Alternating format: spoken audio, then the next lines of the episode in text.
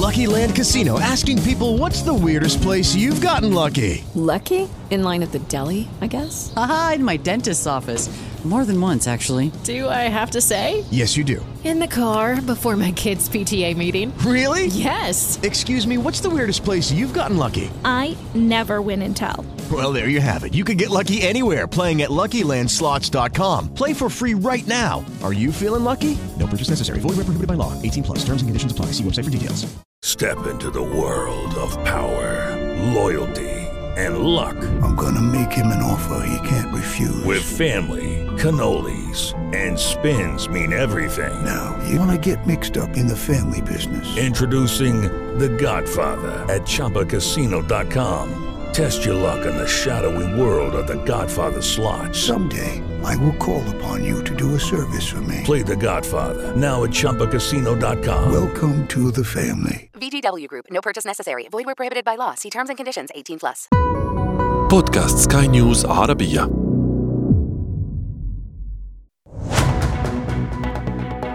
أخبار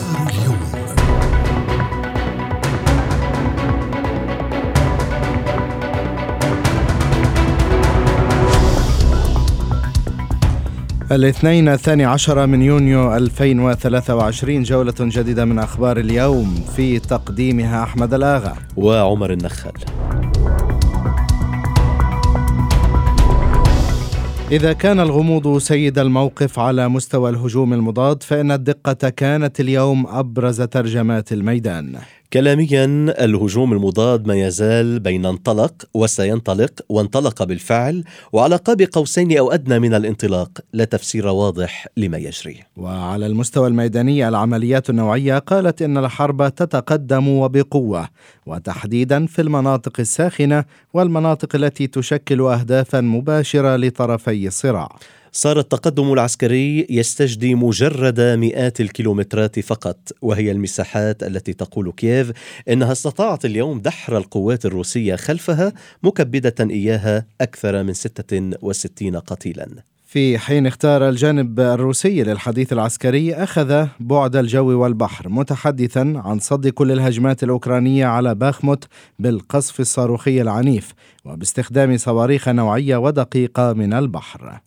هناك توافق ضئيل جدا وربما يكون هناك تناقض حتى بين الروايتين الروسية والأوكرانية فيما يتعلق بالتطورات الميدانية أو كما يراها الجانبان. كما على العكس من ذلك روسيا تمكنت من إحباط جميع المحاولات الأوكرانية ومن ذلك تلك الهجمات التي وصفتها وصفها الجيش الروسي أيضا في وقت سابق بأنها محاولات استطلاعية أوكرانية على محور ليسيتشانسك في مقاطعة لوغانسك وأخرى أيضا محاولات هجومية أوكرانية على محور سوليدار باخموت أيضا في إلى الجنوب من لوغانسك في مقاطعة دونيتسك بالإضافة إلى استمرار الجانب الروسي باستهداف الآليات والمعدات العسكرية التي بحوزة القوات الأوكرانية بما في ذلك غربية المنشأ استمرار استهداف مستودعات الذخيرة والوقود وكل ما تعتبر روسيا أنه ينم بصلة إلى العمليات العسكرية الأوكرانية سواء كانت هجومية أو دفاعية. أبرز ما وثق من خلاله الجانب الروسي تقدمه صور الدبابات الألمانية النوعية ليوبارد مدمرة هي والكثير من الدبابات والأسلحة النوعية الغربية التي ما توقف تدفقها إلى كييف رغم صعوبة المعارك. فيما يخص تدمير القوات الروسية لعدد من الدبابات الأوكرانية من نوع ليوبارد لم يصدر أي بيان من قبل الجانب الأوكراني يقول عن مدى الخسائر التي منيت بها القوات الروسية الأوكرانية في منطقة زابيروجيا. ولا يوجد أي تصريح سوى أن الوزارة اكتفت بأن خطط هذا العمليات الهجومية تحتاج إلى الصمت. ما زال هنالك هجمات من قبل الجانب الأوكراني على طول. خط الجبهة تأتي هذه في سياق عمليات الهجوم المضاد وفقا لما يقوله الجانب الأوكراني. وما زالت هنالك عمليات دفاعية من قبل الجانب الروسي وهو أساس هذا الهجوم المضاد. أن تتحول القوات الأوكرانية من نقطة الدفاع إلى نقطة الهجوم وأن تتحول أيضا القوات الروسية من نقطة الهجوم إلى نقطة الدفاع. مع ذلك للإرباك حصة على الجانب الروسي. هذه المرة ليس من قائد مجموعة فاغنر وإنما من عودة أنباء التعاون الروسي مع إيران على مستوى إرسال السلاح. فها هي وول ستريت جورنال تؤكد نقلا عن محققين إعادة الاعتبار لهذا الاتهام القديم الجديد متهمة إيران بتسريع إيصال بعض الأسلحة التدميرية إلى الجانب الروسي. رسالة إرباك قابلتها رسالة داعمة من صديق روسيا زعيم كوريا الشمالية كيم جونغ أون في اليوم الوطني الروسي. رسالة دفع من خلالها كيم جونغ أون عن قرار الرئيس الروسي بشن حرب على أوكرانيا وأبدى الدعم والتضامن الكاملين. وقال كيم في الرسالة أن العدالة ستنتصر وسيواصل الشعب الروسي إضافة المجد إلى تاريخ الانتصار حسب تعبيره. دون أن ننسى طبعا أضخم مناورة للناتو ستنطلق في الساعات المقبلة. حدث قادر وحده على استشراف عشرات المحاضر الاتهامية الجديدة المرتقبة ما بين طرفي النزاع إلى جانب الانعكاسات المحتملة على مستوى قرار مواصلة الدعم لكييف عسكرياً.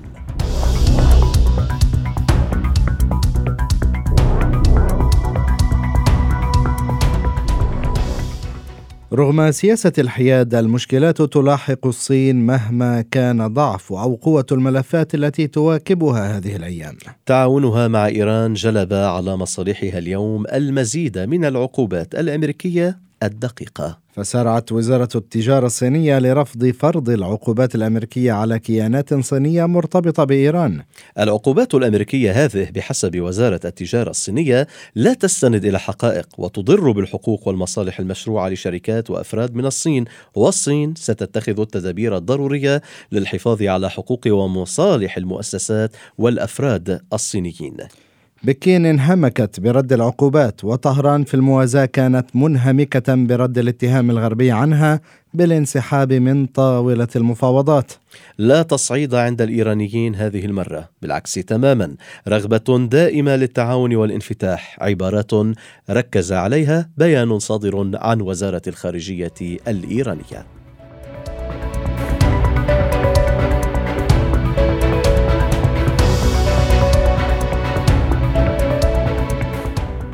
من روسيا أوكرانيا والصين إلى الأزمة التي لا تريد أن تهدأ الأزمة السودانية. كأن الطرفين ينتظران انتهاء الهدنة ليقيما الدنيا ولا يقعدانها.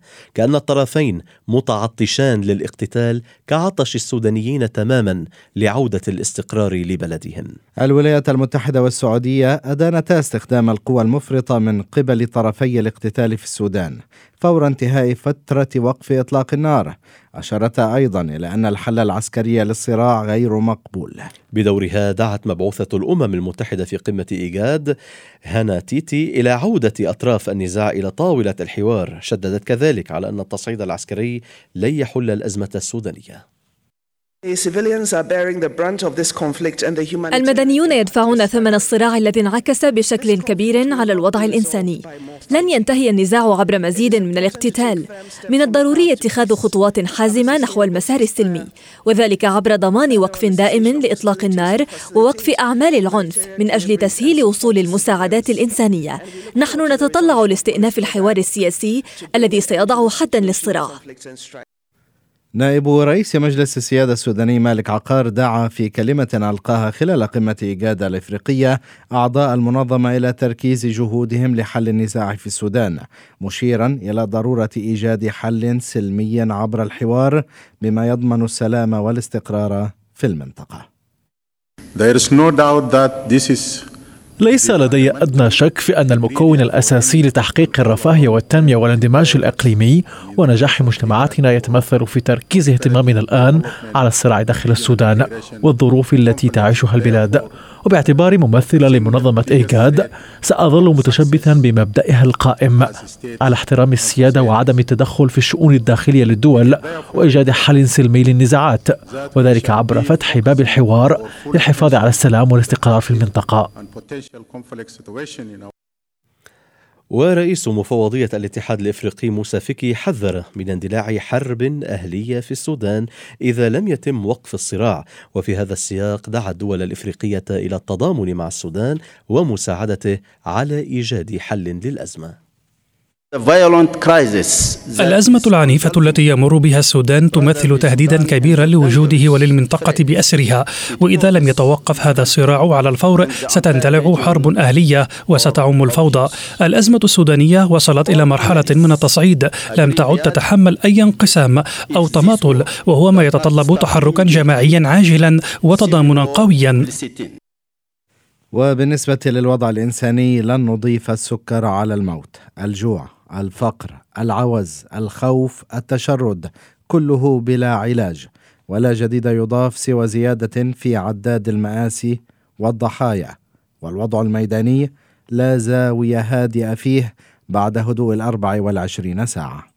بالفعل يوم أمس كان يوما داميا وصف آه، بالأعنف آه، على آه، يعني مر منذ اندلاع هذه الأزمة كان يعني متزامنا وفي مناطق متفرقة. ولكن بالإمكان القول أن يعني قد انخفضت حدة الاشتباكات صباح اليوم. يعني كان هناك تحليق للطيران الحربي للجيش السوداني في عدة مواقع وفي مدن العاصمة الثلاث. أيضا ترد قوات الدعم السريع بمضادات الطائرات ربما التطور اللافت صباح اليوم هو آه، آه، نشر الجيش هذا البيان الذي يعني أوضح فيه أنه كان يقوم بعمليات تمشيط واسعة في تركزت على منطقة الخرطوم بحري.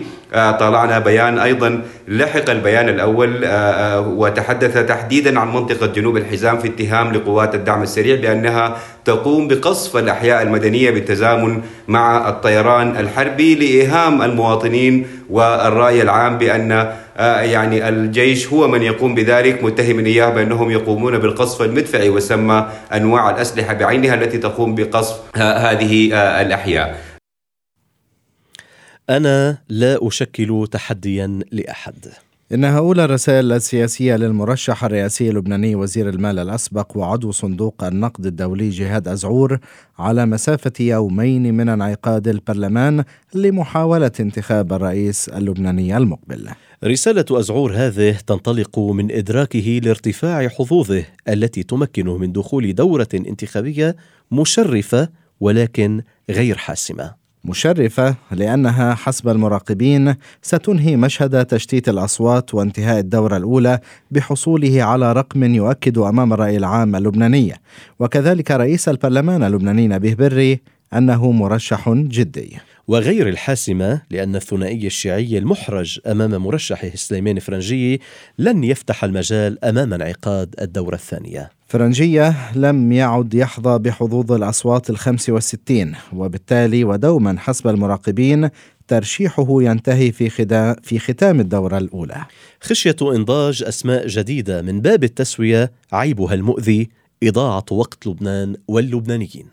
ليس لدي أي معطيات بهذا الاتجاه آه، ولم يطرح حتى اليوم رسميا وجديا كمرشح قائد الجيش وهو يتطلب أيضا تعديلا دستوريا ليتمكن من الوصول إلى الرئاسة وحالة استثنائية.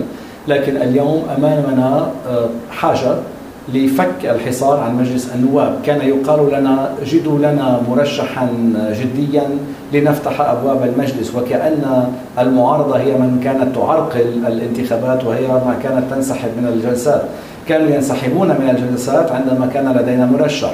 طرحوا مرشح معاكس ومرشح تحدي وبدأوا يتهموننا بأننا لسنا جديين في الانتخابات. هناك مرشح مطروح اليوم يتلاقى عليه الكثير من القوى السياسية في لبنان.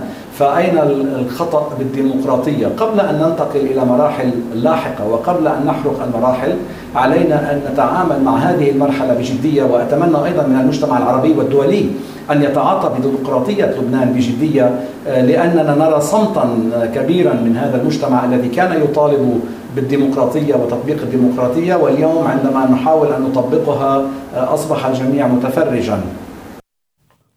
رحل الإمبراطور. رحل الأسطورة. رحل من كان له الفضل في وصول نادي ميلان الإيطالي إلى أن يصبح أحد أساطير أوروبا في العقود الأربعة الأخيرة. رحل من لقبه الإيطاليون بالفارس. رحل رئيس الوزراء الإيطالي الأسبق سيلفيو بيرلسكوني.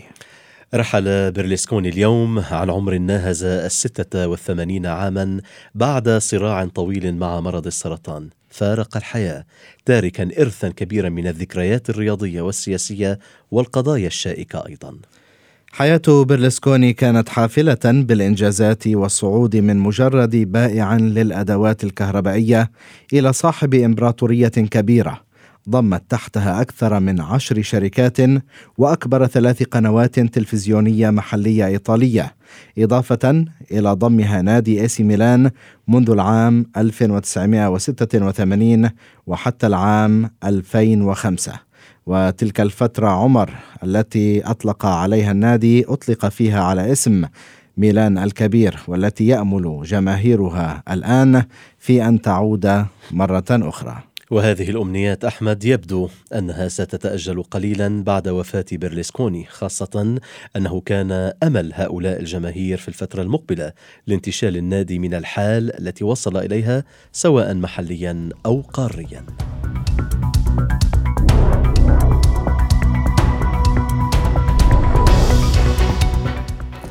وبختام هذا الخبر عمر تلقى المشجعو نادي اي سي ميلان أكيد هذا الخبر بحزن كبير على مؤسس والإيطاليون بشكل عام. طبعا هذا الخبر بحزن كبير على رئيس هذا النادي. إلى هنا وصلنا إلى ختام هذه الحلقة من أخبار اليوم. هذه تحيات أحمد الآغا. وعمر النخال. إلى اللقاء, إلى اللقاء.